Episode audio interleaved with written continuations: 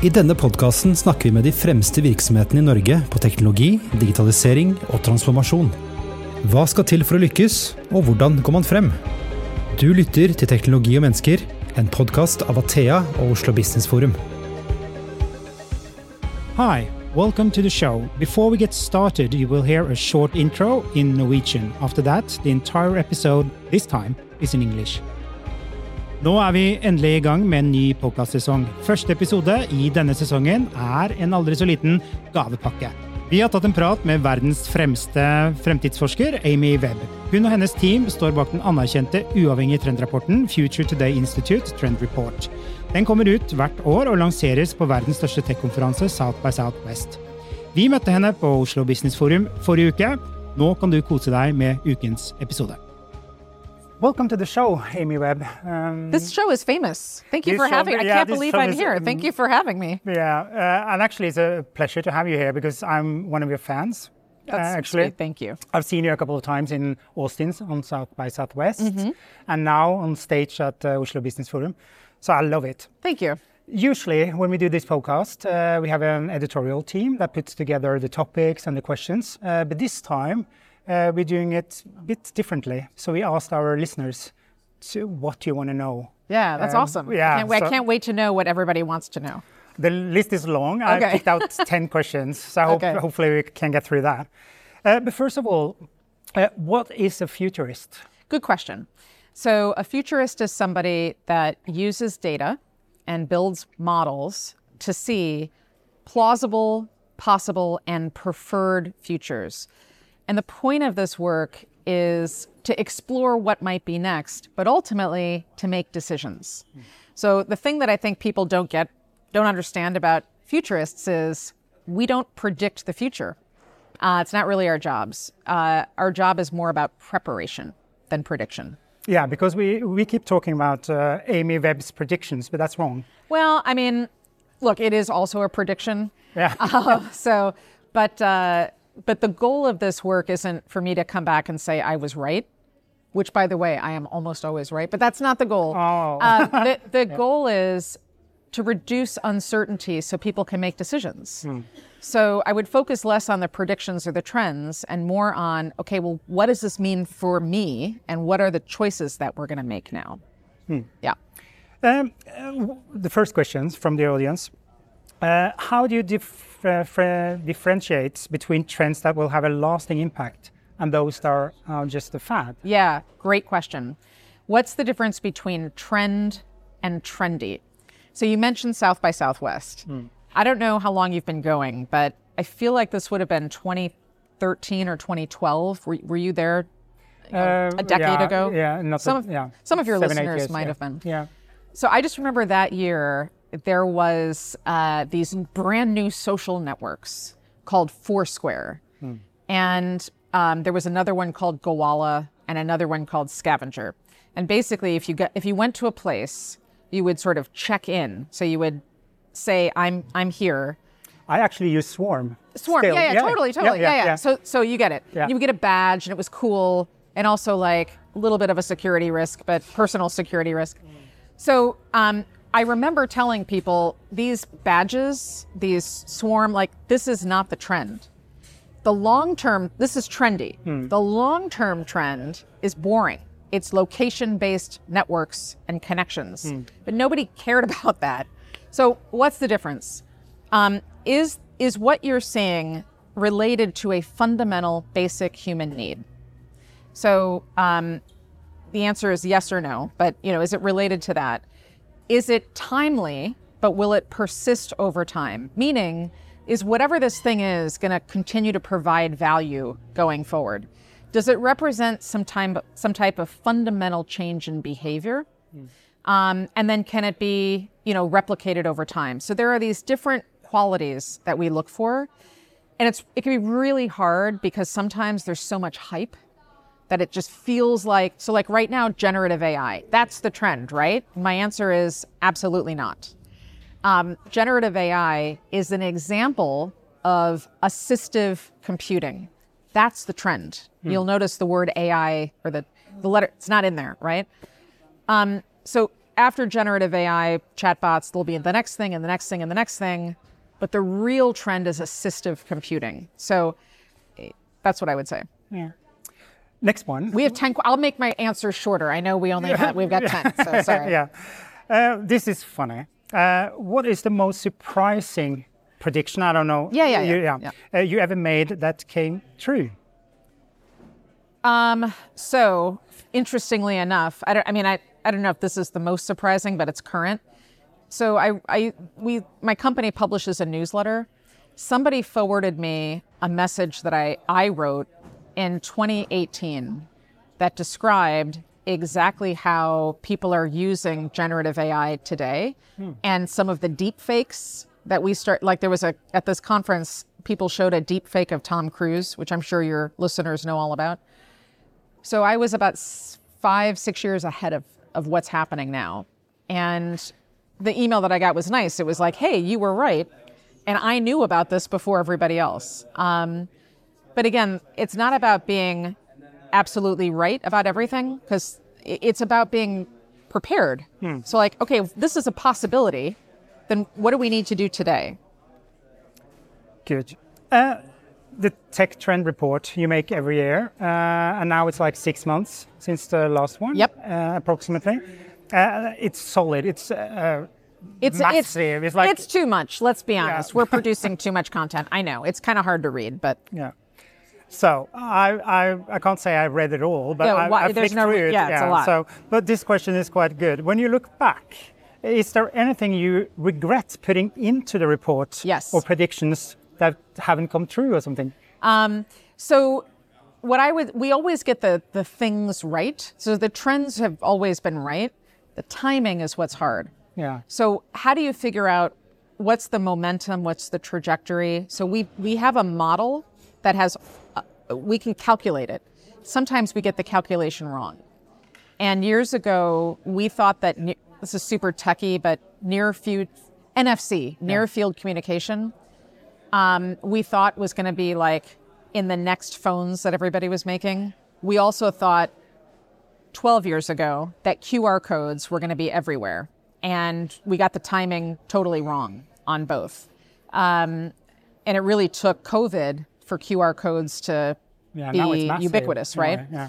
So that, but that's really, it's a good example of why this can be really challenging to do because because getting the timing right is, is, is more science than art.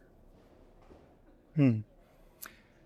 I love QR codes. I love QR Yeah, codes too. uh, yeah. Can I tell you a really? I'll, I'll Yeah, make it yeah, yeah, super yeah, short. yeah, no. So my husband is somewhere with me. He's over there. Yeah. And um, for Valentine's Day in 20, we were still living downtown. I bet you it was, I bet you it was 2007. Um, I was telling him QR codes are going to be everywhere next, and he was like, "No, they're not."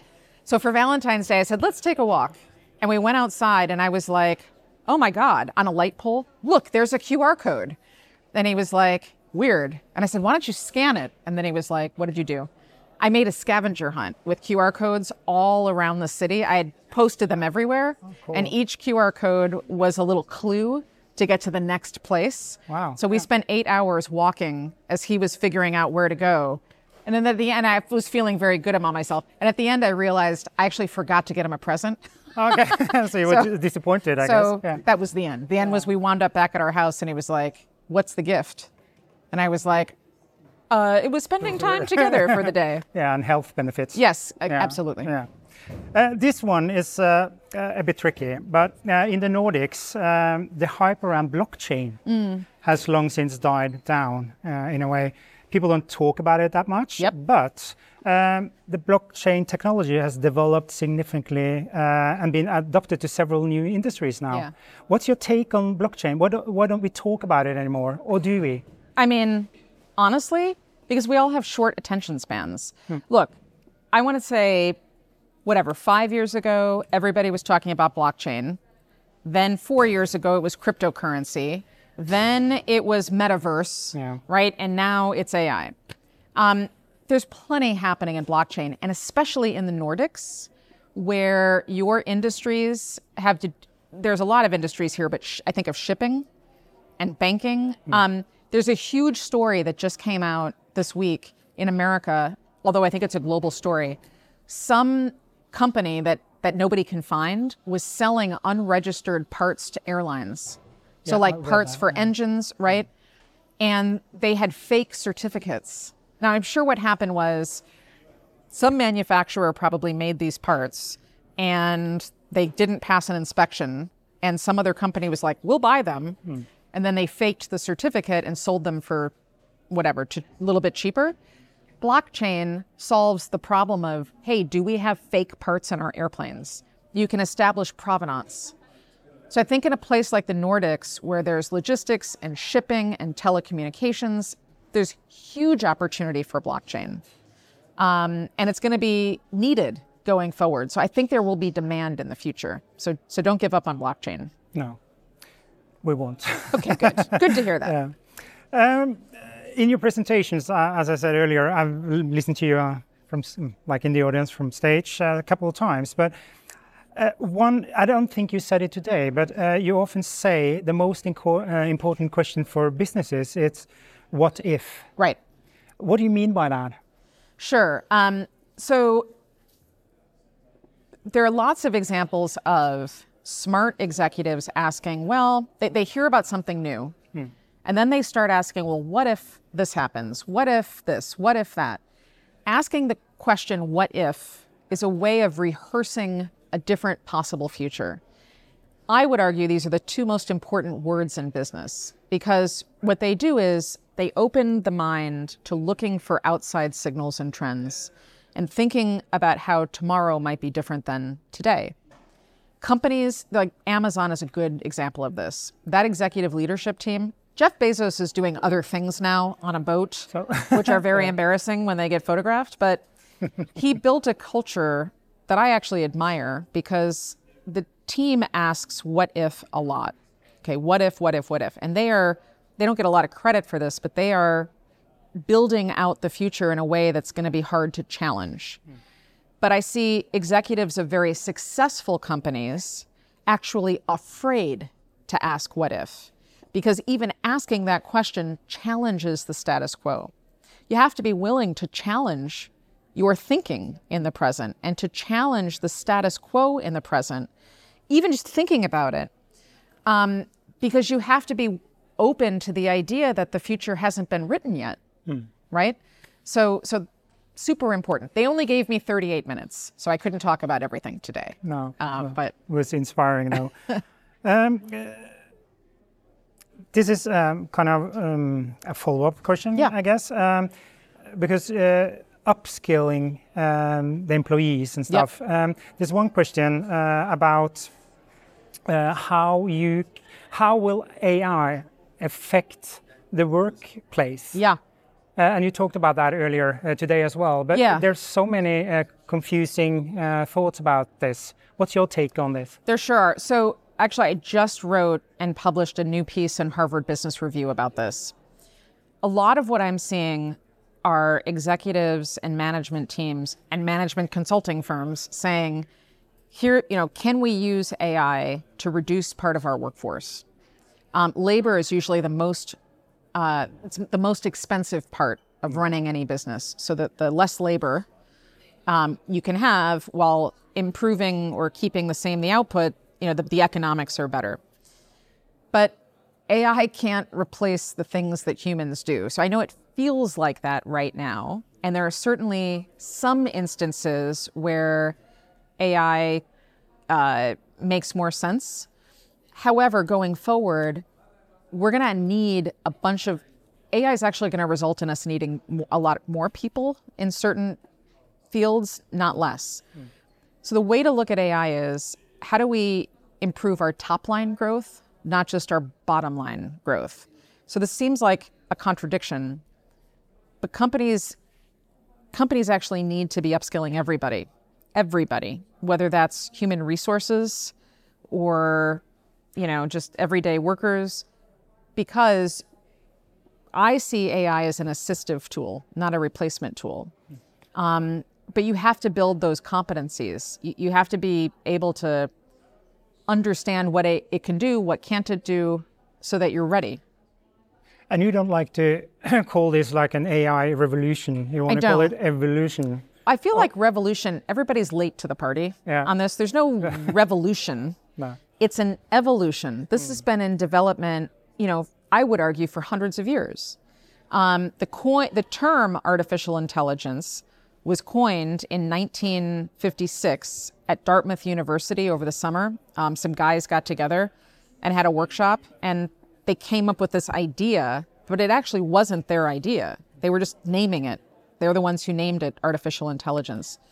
So we've just we've it's been a long horizon, um, and and so it's not really a revolution; it's an evolution. And the major driving force here is the big tech companies. Is Right that now, yeah.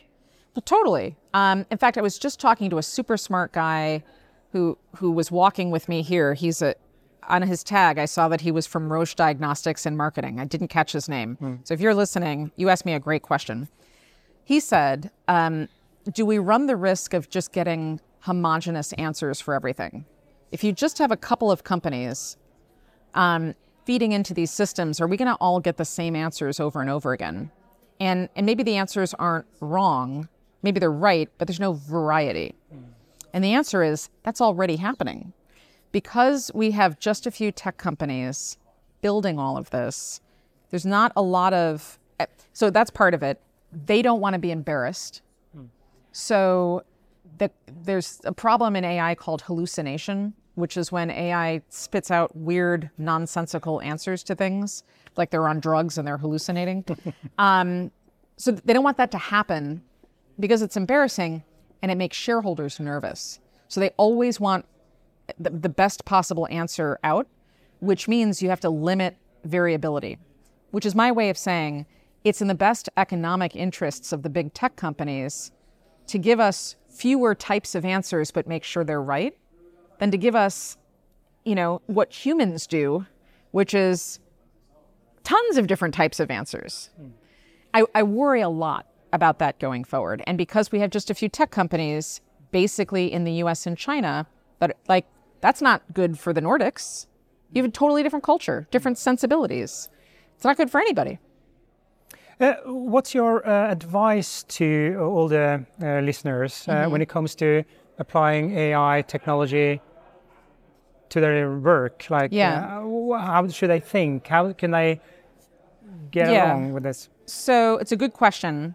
The first thing that I would say is now is a good time to just experiment. Um, and if you're interest, if you're somebody who's willing to read research papers, Then read research papers. But you have to keep in mind the thing that's trendy is chatbots. That's not the trend. So you, you have to sort of, while you're experimenting, start asking yourself, what if? What if we have text to video, which is coming, I, like in a couple of weeks? Um, what if we have text to robots, right? H- how does the world start to look different? What does that mean? How does that change society? You have to kind of let your mind wander productively. That's the biggest piece of advice. I know everybody's like, which platform should I use? Or Yeah. what code do I need to learn? You got to do some critical thinking. Like, that's the most important thing right now. I I guess many people are like scared being too slow that they get miss something, or is that I would much rather that you're too slow and you miss something Yeah. than you're too fast hmm. and you miss something, because that's what's happening right now. Um, I see everybody moving so fast that they are not stopping to think about the risks. And I know every, it's very sexy to talk about risks. Everybody likes to talk about the end of humanity. That's not practical, right? So it's about having the sort of more boring, practical conversations. Your listeners know they know all about tech. So like I like you're the right people. You're our people. You're my people. So like have that you guys should be having those conversations with each other. definitely? Do you have a favorite AI tool?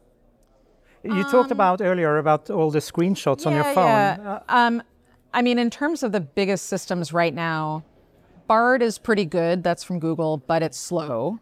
Um, Claude from Anthropic is also pretty good, also a little slow, also a little confusing. GPT-4 is very fast, but it freaks me out because I don't know. I just found out that my books are part of what trained that system, and it's not like they asked me permission first. So um, I'm pretty skeptical about all of these systems, and that like DALL-E, the image generators are full of bias. Um, I talked about a tool on stage, which j- this is like just for me personally.